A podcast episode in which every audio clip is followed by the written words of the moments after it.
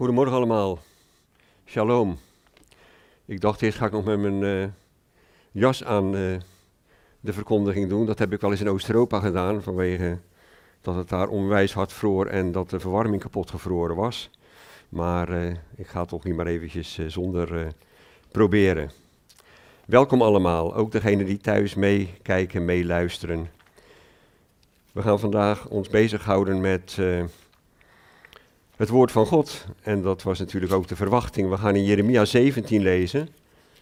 Jeremia hoofdstuk 17 vanaf vers 5. En daarna gaan we in Johannes 8 lezen. Jeremia 17 vanaf vers 5. Ik heb in het verleden gezegd dat overal waar de Heer met hoofdletters staat, dat ik de betekenis van die naam lees. Dus ik ben. En dan staat er in 17 vers 5 van Jeremia. Zo zegt ik ben, vervloekt is de man die vertrouwt op een mens, die een schepsel tot zijn arm stelt, terwijl zijn hart van ik ben afwijkt. Hij zal zijn als een kale struik in de vlakte die het niet ziet wanneer het goede komt. Hij verblijft op de droogste plekken in de woestijn, in zield en onbewoond land. Gezegend is de man die op ik ben vertrouwt, wiens vertrouwen ik ben is. Hij zal zijn als een boom die bij water geplant is en die zijn wortels laat uitlopen bij een waterloop. Hij merkt het niet als er hitte komt, zijn blad blijft groen. Een jaar van droogte deert hem niet en hij houdt niet op vrucht te dragen. Arglistig is het hart boven alles, ja ongeneeslijk is het. Wie zal het kennen? Ik, ik ben doorgrond het hart. Beproef de nieren. En dat om ieder te geven overeenkomstig zijn wegen overeenkomstig de vrucht van zijn daden. Wie rijkdom verwerft, maar niet op rechtmatige wijze, is als een patrijs die eieren uitbroedt, maar ze niet gelegd heeft. Op de helft van zijn dagen moet hij die achterlaten. In zijn einde blijkt hij een dwaas te zijn. Een eretroon, een hoge plaats vanaf het begin is de plaats van ons heiligdom. Ik ben hoop van Israël. Alle die u verlaten zullen beschaamd worden. Wie zich van mij afkeren, zullen in de aarde worden geschreven. Want ze hebben de bron van het levende water. Ik ben verlaten. Genees mij, ik ben, en ik zal genezen worden. Verlos mij, en ik zal verlost worden. Want u bent mijn lofzang. En dan in Johannes hoofdstuk 8. Johannes 8.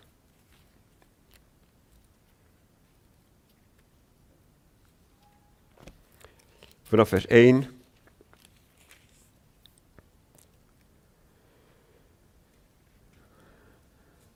Jezus ging echter naar de Olijfberg. En s morgens vroeg kwam hij opnieuw in de tempel en al het volk kwam naar hem toe en hij ging zitten en onderwees hen. En de schriftgeleerden en de fariseeën brachten een vrouw bij hem die op overspel betrapt was. En toen ze haar in het midden hadden doen staan, zeiden ze tegen hem, meester, deze vrouw is op heterdaad betrapt bij het plegen van overspel. In de wet nu heeft Mozes ons geboden zulke vrouwen te stenigen. U dan, wat zegt u? En dit zeiden zij om hem te verzoeken, opdat ze iets hadden om hem aan te klagen. Maar Jezus bukte en schreef met de vinger in de aarde. En toen ze hem dit bleven vragen, richt hij zich op en zei tegen hen: Wie van u zonder zonde is, laat die als eerste de steen op haar werpen. En opnieuw bukte hij en schreef in de aarde. Maar toen ze dit hoorden en in hun geweten overtuigd waren, gingen ze op weg. De een naar de ander, te beginnen bij de oudsten tot de laatsten. En Jezus werd alleen achtergelaten en de vrouw die in het midden stond. Jezus nu richtte zich op en toen hij niemand zag dan de vrouw, zei hij tegen haar vrouw, waar zijn die aanklagers van u? Heeft niemand u veroordeeld? En zij zei, niemand, heren. En Jezus zei tegen haar, dan veroordeel ik u ook niet. Ga heen en zondig niet meer. Tot zover dit gedeelte uit het woord van God. De Heer Jezus, hij verbleef regelmatig op de Olijfberg s'nachts. En dat is waarschijnlijk Gethsemane geweest, want dat ligt namelijk op de helling van de Olijfberg. De plaats waar hij dan ook uiteindelijk zou zijn in de nacht dat hij verraden werd, overgeleverd werd in de handen van zijn vijanden. Gethsemane, de olijfgaard, de olijftuin met de olijfpers erin. Hij ging er naartoe en misschien was dat eigenlijk ook al een soort beeld van wat hem te wachten stond. Hij zou uiteindelijk geperst worden, hij zou uiteindelijk gaan lijden en sterven en daardoor uiteindelijk iets geweldigs tevoorschijn brengen, zoals een olijf die uitgeperst wordt, olie tevoorschijn brengt. En olie waar je licht mee kunt maken, maar olie die je ook gebruikt om je lichaam te zalven. Olie die ook gebruikt wordt in een bepaalde samenstelling om iemand in een bepaalde taak te zalven, zoals een priester, een profeet en de koning. Zo heeft de Heer Jezus door zijn lijden en door zijn sterven iets geweldigs tot stand gebracht, namelijk uiteindelijk het nieuwe leven, het licht in ons leven gebracht, als wij Hem hebben mogen leren kennen als onze redder en onze verlosser. En dan gaat hij morgens vroeg weer naar de tempel, want daar is hij regelmatig, juist ook in het Johannesevangelie, wordt hij beschreven vaak in de tempel zijnde. En dan komt al het volk naar hem toe en dan gaat hij zitten en dan onderwijst hij hen. En wat moet dat bijzonder geweest zijn om dat onderwijs van de Heer Jezus te mogen genieten, om naar zijn woorden te horen. Zoals Maria daar aan de voeten van de Heer Jezus zat en niets anders wilde horen, indrinken als het ware, die woorden van de Heer. En dan komen de schriftgeleerden en de fariseeën, leiders van het Joodse volk, en die brengen een vrouw bij hem die op overspel betrapt is. En ze zetten die vrouw in het midden, als een soort iets waar je naar kunt kijken. En zij stond dan in het midden. En toen zeiden ze, meester, deze vrouw is op heterdaad betrapt bij het plegen van overspel. En in de wet nu heeft Mozes ons geboden zulke vrouwen te stenigen. U dan, wat zegt u? Ja, die vrouw was op heterdaad betrapt. Maar ja, als je aan overspel op heterdaad betrapt bent, dan is er natuurlijk ook nog een andere partij. En dat is die man. Maar waar is die man nou gebleven? Die man hebben ze blijkbaar laten lopen. Maar die vrouw hebben ze meegenomen. En ze hebben daar in feite dus al een oordeel over uitgesproken. En het vonnis is al in hun gedachten: deze vrouw moet gestenigd worden, want zo staat het in de wet van Mozes. En ze brengen die vrouw bij de Heer Jezus om hem te verzoeken, om te kijken of ze iets hebben om hem aan te klagen. Dat hij een bepaalde uitspraak zal doen die haak staat op de wet waardoor zij hem dan schuldig kunnen verklaren en hem uiteindelijk uit de weg kunnen ruimen, want dat is uiteindelijk ook hun doel. We zien bij deze mensen dat ze eigenlijk een heel selectief tekstgebruik, bijbelgebruik laten zien. Ze halen een bepaald klein stukje uit een bijbeltekst of uit een bijbelgedeelte dat in hun kraam te pas komt. En dat is iets wat ook in ons leven heel gevaarlijk is. Dat we iets uit de Bijbel halen, uit een bepaald Bijbelgedeelte, of misschien zelfs wel uit een bepaalde tekst. En daar dan uiteindelijk ons gelijk mee proberen aan te tonen. En dat lukt natuurlijk altijd. Want er zijn zoveel teksten in de Bijbel die een bepaalde, als je ze isoleert, een bepaalde waarheid laten zien. Ik weet dat er bij ons in de tuinderij, daar werd gevreesd vroeger, hè? Met een vreesmachine, dan maakten ze de grond uiteindelijk weer uh, zodanig dat er makkelijk planten in gepoot konden worden. En toen was er een tuinder die was aan het vrezen op zondag. En toen zei er iemand tegen hem, ja, maar eh, dat kan je toch helemaal niet doen? Hij zegt, ja, maar in de Bijbel staat dat ze vreesden met grote vrezen. En als zodanig had hij dus een tekst gevonden om zijn gelijk daarmee aan te tonen. Nou, dat vind je bij de schriftgeleerden en de fariseeën op een heel andere manier, maar toch eigenlijk wel ook hetzelfde. In de wet heeft Mozes geboden. En als hij over de wet spreekt, dan denk ik dat ze in de eerste plaats spreken over het boek Deuteronomium. De tweede wet, waar iedere keer staat en dat Mozes zei. Mozes herhaalt dan een heleboel dingen die al veel eerder door God gezegd zijn maar hij herhaalt ze. En het is eigenlijk constant in dat boek Deuteronomium dat Mozes als het ware namens de Here aan het woord is. En als je dan in Deuteronomium 22 vers 22 kijkt, want daar refereren ze naar, in Deuteronomium 22 vers 22 makkelijk te onthouden, daar staat dus in die wet Wanneer ergens een man aangetroffen wordt terwijl hij met een vrouw slaapt, die met een andere man getrouwd is, dan moeten zij beide sterven. De man die met de vrouw geslapen heeft en de vrouw. Zo moet u het kwaad uit Israël wegdoen. Het is heel opmerkelijk dat hier een man als eerste wordt genoemd. Wanneer een man aangetroffen wordt terwijl hij met een vrouw slaapt. En natuurlijk, het kan zijn dat een vrouw een man verleidt tot overspel. Waar vinden we dat bijvoorbeeld? In de Bijbel. Batseba, nou ja, misschien dat ze ook David wel verleid heeft. Maar Jozef die wordt verleid door de vrouw van Potifar. En ehm, zo zijn er misschien nog wel een paar meer, maar in ieder geval daar zie je dat die vrouw dus aanleiding geeft. Maar het is in de Bijbelse lijn dus heel nadrukkelijk dat man daar uiteindelijk vaak degene is die het initiatief neemt. Hier wordt dat heel nadrukkelijk gezegd, wanneer een man aangetroffen wordt terwijl hij slaapt met een vrouw die met een andere man getrouwd is. Nou, dat heeft dus Mozes gezegd en natuurlijk heeft hij dat gezegd naar aanleiding van wat de Heer, wat ik ben gezegd heeft. Maar in Leviticus 20, vers 10, daar lezen we dat God zelf met iets andere woorden hetzelfde zegt. In 20, vers 10, Leviticus. Een man die met de vrouw van iemand anders overspel pleegt, die met de vrouw van zijn naaste overspel pleegt, moet zeker gedood worden, de overspeler en de overspeelster. We zien dus ook daar weer die man als eerste genoemd. En ik ben zelf ook een man en ik denk wat dat betreft dat het voor ons mannen ja, toch een heel duidelijke les is en een waarschuwing is hoe wij omgaan met dit punt. Dat wij, hoe gaan wij om met seksualiteit? We leven natuurlijk in een maatschappij waarin seksualiteit ja, op allerlei manieren het spoor bijster is geraakt. Als we kijken naar al die verschillende manieren van seksualiteit beleven in allerlei verschillende relaties, die niet overeenkomstig het woord van God zijn. God heeft in de Bijbel duidelijk aangegeven dat seksualiteit hoort binnen een officieel gesloten huwelijk tussen een man en een vrouw. Dat is wat de Bijbel zegt.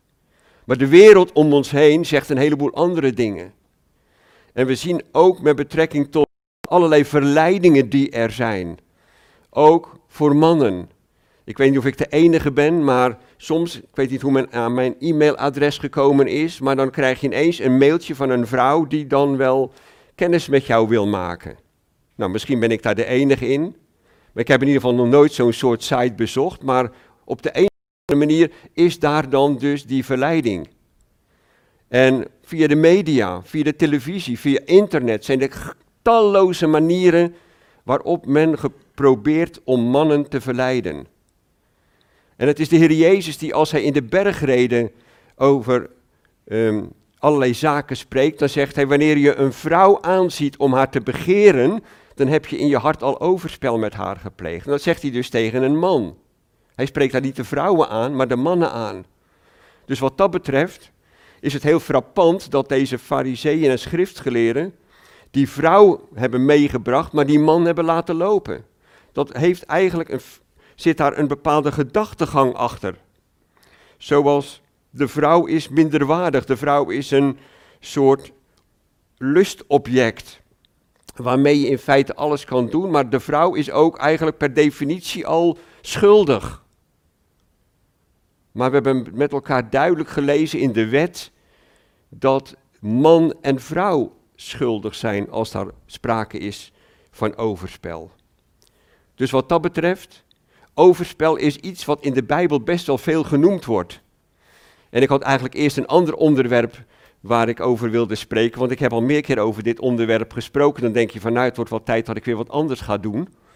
En toen had ik eigenlijk al wat anders opgegeven aan uh, broeder Bas, maar toen werd ik uiteindelijk toch deze week bepaald bij mijn gewone Bijbellezen iedere keer dat woordje overspel, want ik ben begonnen in Hosea. En in Hosea, daar wordt ook iedere keer opnieuw in die eerste hoofdstuk over overspel gesproken. En dat Israël overspel pleegde met de afgoden. En deze vrouw die hier dus staat, is eigenlijk ook aan de ene kant een beeld van Israël. Een beeld van Israël dat overspel pleegt. En natuurlijk, de Heere noemt in zijn woord, in het Oude Testament in het bijzonder, ook wel soms de afgoden waarmee zij overspel pleegt. Maar eigenlijk wordt die vrouw, Israël, wordt iedere keer door de Heere, door ik ben, neergezet als degene, zij is ontrouw gebleven of geworden. Zij heeft overspel op een geestelijke manier gedaan met de afgoden. Ze zeggen dat om hem te verzoeken, om hem aan te klagen. En dat is iets waar ze dus op uit zijn. En iemand verzoeken en iemand aanklagen is iets wat eigenlijk hoort bij de grote verzoeker en de grote aanklager, de Satan. Hij probeert mensen te verzoeken, hij probeert mensen uiteindelijk aan te klagen. De verzoeker kwam bij de Heer Jezus. En in openbaring wordt hij de aanklager van de broederen genoemd. Als wij iemand proberen te verzoeken, als wij iemand proberen aan te klagen, zitten we eigenlijk op de lijn van de Satan. Wij moeten natuurlijk bepaalde dingen wel aan de orde stellen op grond van Gods woord, maar we moeten heel voorzichtig zijn met een oordeel. En dat is wat de Heer Jezus ook naar voren brengt met betrekking tot deze vrouw.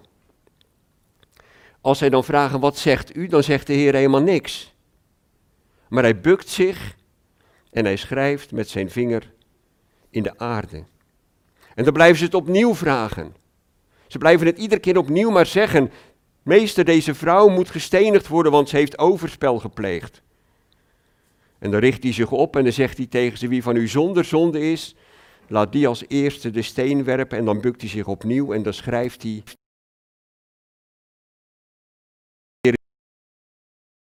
Jeremia 17, waar dat ook gesproken wordt, dat degenen die mij verlaten, die zullen in de aarde geschreven worden. En wat heeft de Heer nou in de aarde geschreven? Dat weten we niet, dat staat niet vermeld. Heeft hij die namen van die mensen die om hem heen stonden in de aarde geschreven? Of heeft hij alleen maar geschreven Jeremia 17? Of heeft hij die tekst uitgeschreven? Dat weten we niet, maar het is wel natuurlijk iets wat onlosmakelijk met elkaar verbonden is. Degene die mij verlaten, zullen in de aarde geschreven worden. Want hier stonden dan, zeg maar, de leiders van Israël. Degene die zich zo geweldig godsdienstig voordeden. Stonden te bidden op de hoeken van de straten. Hadden mooie gewaden aan waar de kwastjes van de gebedskleden onderuit kwamen.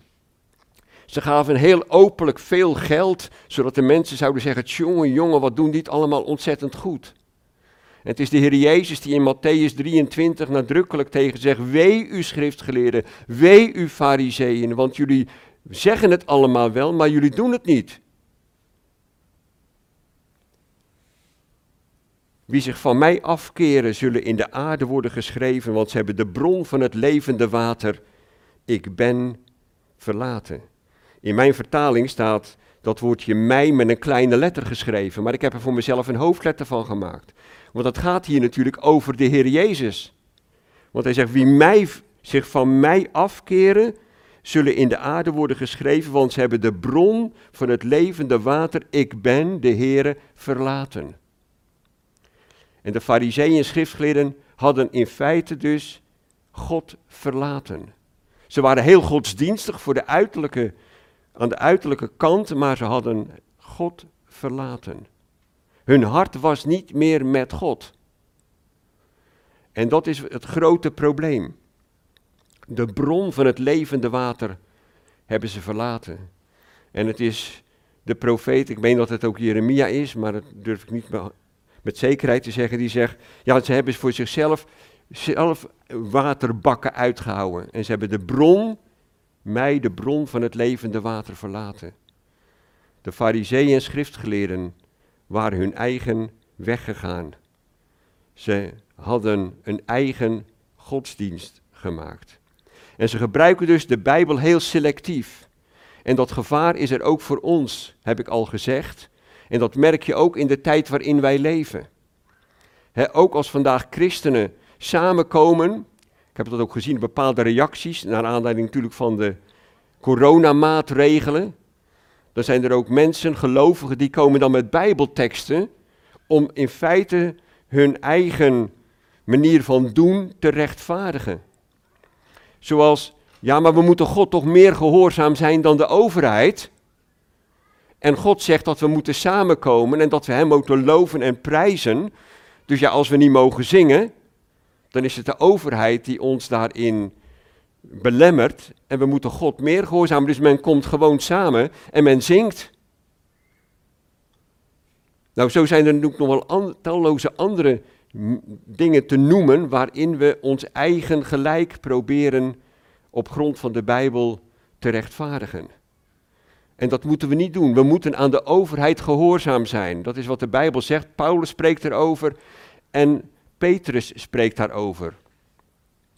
We moeten aan de overheid gehoorzaam zijn zolang de overheid geen dingen van ons vraagt die tegen Gods woord ingaan. We hebben nog de vrijheid om samen te komen. We hebben de vrijheid om over de Heer Jezus te spreken. We hebben de vrijheid om dat nog uit te dragen in de wereld om ons heen. Als dat niet meer mag, ja, dan moet je de overheid meer, dan moet je God meer gehoorzamen dan de overheid. Zoals Peters ook zei ten opzichte van de Sanhedrin. Dat ze zeiden van je mag niet meer spreken in de naam van Jezus. En dan zegt hij ja sorry, maar wij moeten God meer gehoorzamen dan u. En zo is het voor ons ook. We moeten uiteindelijk de overheid gehoorzamen. Want die is over ons gesteld. Nou, die vrouw die staat daar dan dus in dat midden. En de Heer Jezus zegt, wie van u zonder zonde is, laat die als eerste de steen werpen. Dat komt hier eigenlijk een beetje op neer zo van die balk in het eigen oog die, dan, en die splinter in het oog van die ander. Je hebt heel veel te zeggen over een ander, maar kijk nou eerst eens naar jezelf. En het is de apostel Paulus die ook in de Romeinenbrief in Romeinen 2 vers 21, daar spreekt hij ook tot de Joden. Romeinen 2.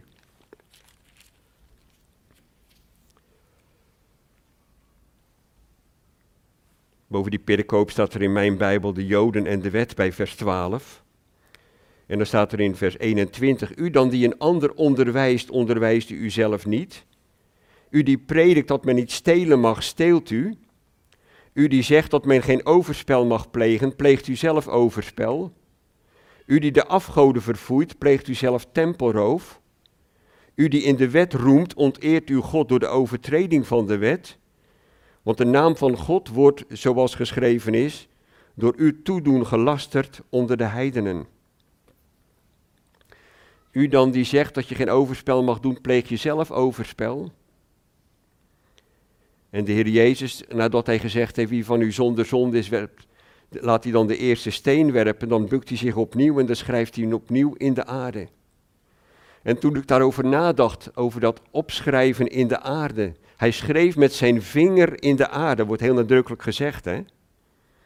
Toen dacht ik, wat is het eigenlijk geweldig, die persoon die hier met zijn vinger in de aarde zit te schrijven. En als je in de aarde geschreven wordt, dan is dat natuurlijk maar heel tijdelijk als je aan het strand komt, ik woon vlakbij het strand, kom er eerlijk gezegd zelden of nooit, maar als je op het, uh, op het strand met je vinger in, de, in het zand schrijft, je naam, nou, als het een klein beetje waait, is dat binnen een mum van tijd verdwenen. En als de vloed opkomt, is het sowieso weg.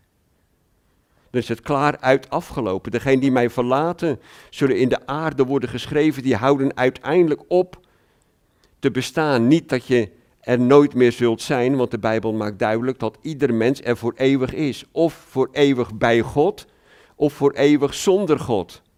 Of voor eeuwig in de heerlijkheid of in de eeuwige verlatenheid. Maar het is iets wat heel tijdelijk is. Maar het is diezelfde persoon die met zijn vinger in de rots heeft geschreven. In Exodus, als dan Mozes met die tafels, die twee stenen tafels naar beneden komt, die aan de voor- en achterzijde beschreven waren, zegt hij. En ze waren met het schrift van God, ja, waren met de vinger van God geschreven. En dat was iets wat altijd blijft. In die rots geschreven blijft altijd. En wat is het geweldig dat wij, als wij de Heer Jezus hebben mogen leren kennen, dat we dan in het boek des levens zijn geschreven. Dat de Heer ons daar zelf heeft ingeschreven. En dat we daar ook niet uit meer gewist kunnen worden. Wat is dat een geweldige zekerheid, dat te midden van al de onzekerheden waar we vandaag in deze wereld mee geconfronteerd worden, wat is het dan geweldig te mogen weten dat we geboekt zijn bij God in zijn boekhouding. En dat we wat dat betreft daar voor altijd opgeschreven zijn. Als de Heer Jezus dus weer in de aarde zit te schrijven, de tweede keer, dan worden ze door hun geweten overtuigd. Dat geweten, dat blijkt dus toch nog gelukkig te werken. Bij die fariseeën en die schriftgeleerden, dan gaan ze weg, de een naar de ander, te beginnen bij de oudste en dan uiteindelijk ook de jongsten. En Jezus werd alleen gelaten en de vrouw die in het midden stond, die vrouw die stond daar als het ware, ik zie het zo voor me, helemaal versteend, die stond te wachten, versteend op de eerste steen. En dan al die mensen die haar beschuldigden gaan weg. De een na de ander. En als ze dan allemaal weg zijn, dan richt de Heer Jezus zich op en dan zegt hij tegen die vrouw, als hij dan niemand anders meer ziet, vrouw, wat zijn die aanklagers van u? Heeft niemand u veroordeeld? Veroordeeld. Die vrouw die was schuldig, want ze was op heterdaad betrapt. En dat veroordelen, dat hadden ze natuurlijk al gedaan. Ze hadden gezegd, deze vrouw is schuldig aan overspel en moet dus gestenigd worden. Maar heeft niemand u veroordeeld? Wil in feite dus hier zeggen, heeft niemand het oordeel voltrokken? Heeft niemand de straf doen komen? En dan zegt ze, niemand, heren. Dat is best opmerkelijk. Ze zegt niet veel, ze zegt niemand, heren. En uit dat heren, daar blijkt in feite dat zij die persoon die voor haar zit erkent als degene die boven haar staat, als degene die uiteindelijk ook alleen maar redding kan brengen, denk ik. De Heer Jezus, hij kent haar hart. Hij weet het hart. We hebben het gelezen in Jeremia. Argelistig is het hart en wie kan het kennen? Ik, ik ben, ken het volkomen. En dat gebeurt ook hier. Hij kent dat hart. En in dat hart is blijkbaar geloof. En daarom zegt hij dan ook tegen haar, dan veroordeel ik u ook niet. Hij was de enige die het recht had om een steen te gooien. Want hij is zonder zonde. Hier zit de rechter van de hele aarde. Heel eenvoudig zit hij daar, min of meer een beetje aan de voeten van die vrouw. En de rechter van de hele aarde, zoals Abraham hem ook noemt, als die, dat die voorbeden doet voor Sodom, dan zegt hij, zou de rechter van de ganse aarde dan geen recht doen? Gaat u de onrechtvaardige en de goddeloze, eh, de goddeloze en de rechtvaardige, gaat u die over één kam scheren? Als u straks Sodom gaat vernietigen? De rechter van de hele aarde, die zegt, dan veroordeel ik u ook niet. Ga heen en zondig niet meer. En hij kon haar ook vrijspreken. Hij laat genade voor recht gaan. De genade gaat voor recht. Zij was schuldig. Maar de Heere zegt, dan veroordeel ik u ook niet. Waarom kan hij dat zeggen? Omdat hij later zelf die zonde, ook die zonde, op zich zal nemen. Als hij aan het kruis zijn leven geeft. Voor een ieder die gelooft. Want uiteindelijk natuurlijk is het geweldig dat de Heer Jezus gestorven is voor alle mensen, ten behoeve van alle mensen. Maar dat degenen die Hem aangenomen hebben als hun redder en verlosser, dat die mogen weten, Hij droeg mijn zonde. Hij heeft mijn ongerechtigheden op zich genomen. Hij is degene die het voor mij heeft volbracht. Hij die gestorven is en ook is opgestaan van tussen de doden uit. Het is heel belangrijk in de Bijbel om te geloven in de Heer Jezus als de gekruisigde en opgestane heiland. Het is volgens de Bijbel ondenkbaar dat je behouden bent als je niet gelooft dat de Heer Jezus tussen de doden uit is opgestaan. Dan ben je niet behouden. De Heer Jezus in gesprek is met, met de fariseeën, dan zegt hij, indien gij niet gelooft dat ik, ik ben, staat er letterlijk, dan zult u in uw zonde sterven. Je moet geloven in de Heer Jezus als God de Zoon, die naar deze wereld kwam, mens werd en als mens die straf gedragen heeft, maar ook weer levend is geworden en in een nieuw lichaam nu ter rechterhand Gods is, van waaruit we hem ook verwachten. Want hij heeft gezegd dat hij spoedig komt. En wat geweldig dat we mogen weten en geloven en vertrouwen op hem. Welgelukzalig is de man en de vrouw wiens vertrouwen in de Heer is. Wiens, waar de Heer zijn vertrouwen is, waar de ik ben zijn vertrouwen is. Moet ik denken aan dat prachtige couplet wat we helaas niet meer zingen als het Wilhelmus gezongen wordt. Mijn schild en de betrouwen zijt gij, o God, mijn Heer. Op u zo wil ik bouwen. Verlaat mij nimmer meer. Dat ik toch vroom mag blijven, uw dienaar te alle stond. En wat is dat geweldig, dat we de Heere mogen dienen. En dat we met Hem en voor Hem mogen leven. En dat de Heere ook ons niet veroordeelt, omdat Hij de straf voor ons gedragen heeft. En dat we uit mogen zien naar het moment dat Hij zich aan deze wereld zal gaan openbaren. Als die geweldige koning van Israël, de redder en verlosser en de koning der koningen en de Heere der heren. Geprezen zij zijn naam. Amen.